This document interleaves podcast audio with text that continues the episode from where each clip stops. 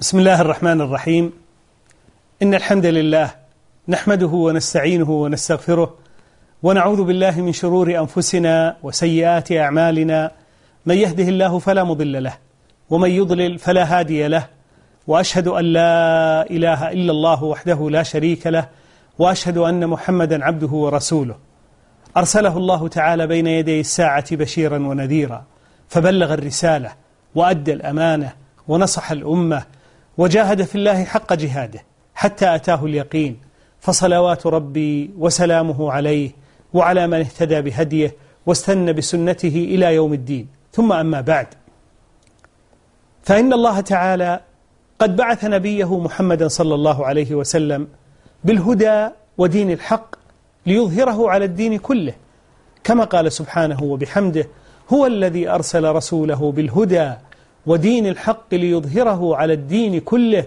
ولو كره المشركون.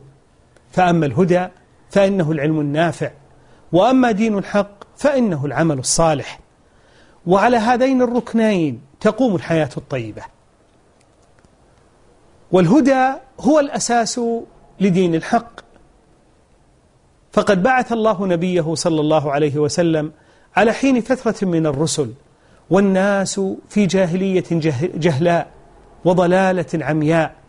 ما بين مشرك يعبد وثنا مكب على صنم أو كتابي قد ضيع دينه وصار في أمر مريج. وبين الله سبحانه وتعالى هذا الحال أيما بيان في صدر سورة البينة. فقال سبحانه وبحمده لم يكن الذين كفروا من أهل الكتاب والمشركين منفكين حتى تأتيهم البينة. ما البينة؟ رسول من الله يتلو صحفا مطهرة فيها كتب قيمة. إذا قد آل حال البشرية قبل بعثة نبينا صلى الله عليه وسلم إلى حال من الضيق والحرج. ما كان ليخرجهم من ذلك وينفكوا منه إلا برحمة مهداة من الله عز وجل. فكان أن بعث الله نبيه صلى الله عليه وسلم بهذا القرآن العظيم كما وصف سبحانه رسول من الله يتلو صحفا مطهرة فيها كتب قيمة.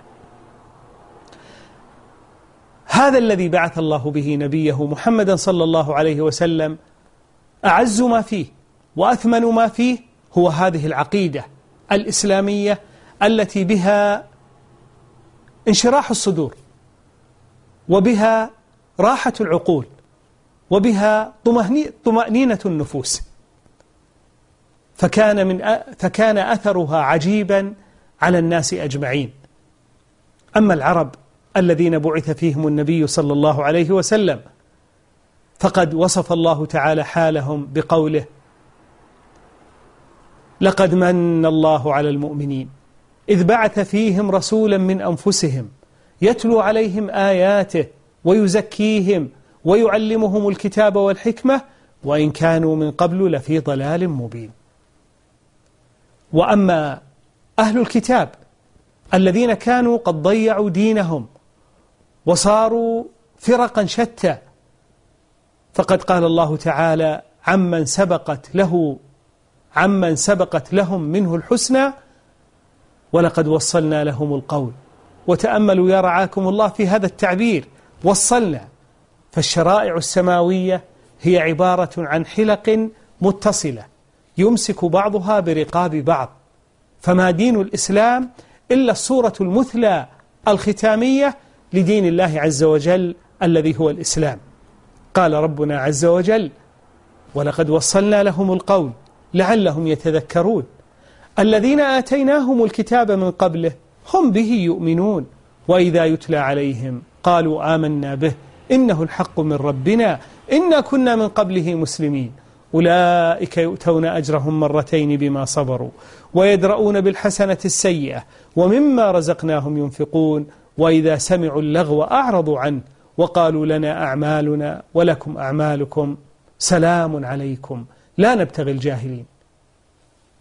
لله درهم. لله درهم كيف اغتبطوا بنعمة الله تعالى. بل إن الله سبحانه وتعالى أوجد شاهدا من أولئك الذين ورثوا الكتاب الأول حين جاءهم محمد صلى الله عليه وسلم بالهدى ودين الحق فحكى الله تعالى عن بعضهم قوله ولتجدن أقربهم مودة للذين آمنوا الذين قالوا إنا نصارى. لما؟ ذلك بأن منهم قسيسين كناية عن العلم ورهبانا كناية عن العبادة وأنهم لا يستكبرون كناية عن التواضع لقبول الحق. وإذا سمعوا ما أنزل إلى الرسول أي محمد صلى الله عليه وسلم ترى أعينهم تفيض من الدمع مما عرفوا من الحق يقولون ربنا آمنا فاكتبنا مع الشاهدين وما لنا لا نؤمن بالله وما جاءنا من الحق ونطمع أن يدخلنا ربنا مع القوم الصالحين. هكذا أيها الإخوة الكرام ويا أيتها الأخوات الكريمات تلقى الناس دين محمد صلى الله عليه وسلم فما هي إلا سنيات معدودة حتى انساح دين الإسلام في الأرض شرقا وغربا شمالا وجنوبا وطبق الخافقين. تحقيقا لوعد الله عز وجل وعد الله الذين آمنوا منكم وعملوا الصالحات لا يستخلفنهم في الأرض كما استخلف الذين من قبلهم. ولا يمكنن لهم دينهم الذي ارتضى لهم ولا يبدلنهم من بعد خوفهم أمنا. يعبدونني لا يشركون بي شيئا. فكانت هذه الأمة أمة محمد صلى الله عليه وسلم رحمة على الناس كما كان نبيها صلى الله عليه وسلم رحمة للعالمين. كنتم خير أمة أخرجت للناس تأمرون بالمعروف وتنهون عن المنكر. أيها المشاهدون والمشاهدات إن حريا بنا أن نعرف السر الكامن في سر هذا القبول لهذا الدين الذي لم يزل إلى يومنا هذا يسجل أعلى الأعداد والإحصاءات للانتشار في الأرض مع قلة إمكاناته وضعف آلته الإعلامية ومع ذلك فهو ينتشر في الأرض. سر ذلك يرجع إلى هذه العقيدة العظيمة. هذه العقيدة الإسلامية التي امتازت بجملة من الخصائص أعظمها وأميزها التوحيد فإنها مبنية على التوحيد الخالص النقي لله رب العالمين. ومن خصائصها أيضا أنها امتازت بموافقة العقل. فليس في هذه العقيدة ما ترفضه العقول الصحيحة ولا ما ينبو على الأفهام السليمة بل كل صاحب عقل سليم كل صاحب فهم رائق يتقبل هذه العقيدة ويرى أنها هي التي تحقق له الاضطراد العقلي. ومن مزاياها أيضا موافقة الفطرة. فإن الله سبحانه وتعالى فطر النفوس على الحق كما قال سبحانه فأقم وجهك للدين حنيفا فطرة الله التي فطر الناس عليها لا تبديل لخلق الله ذلك الدين القيم. فالفطرة هي ما يكون في القلب من غير سبق تعليم. فجاءت هذه العقيدة موافقة للفطرة السليمة. ومن مزايا هذه العقيدة وخصائصها الوسطية والاعتدال فلا غلو فيها ولا إفراط ولا تفريط بل هي الموافقة لحاجة النفس والقلب والروح والجسد. ولأجل ذا وجد أهل الإسلام وكل صاحب عقل سليم وكل صاحب فطرة سوية فيها راحتهم وطمأنينتهم. والعقيدة الإسلامية مبناها على التوقيف. فليست نتاج عقول ليست فلسفة بشرية ليست فكرة لمفكر معين. كلا هي وحي من عند الله. أجراه الله على لسان نبيه صلى الله عليه وسلم. قال الله عز وجل وما ينطق عن الهوى إن هو إلا وحي يوحى. هو الهدى من عند الله.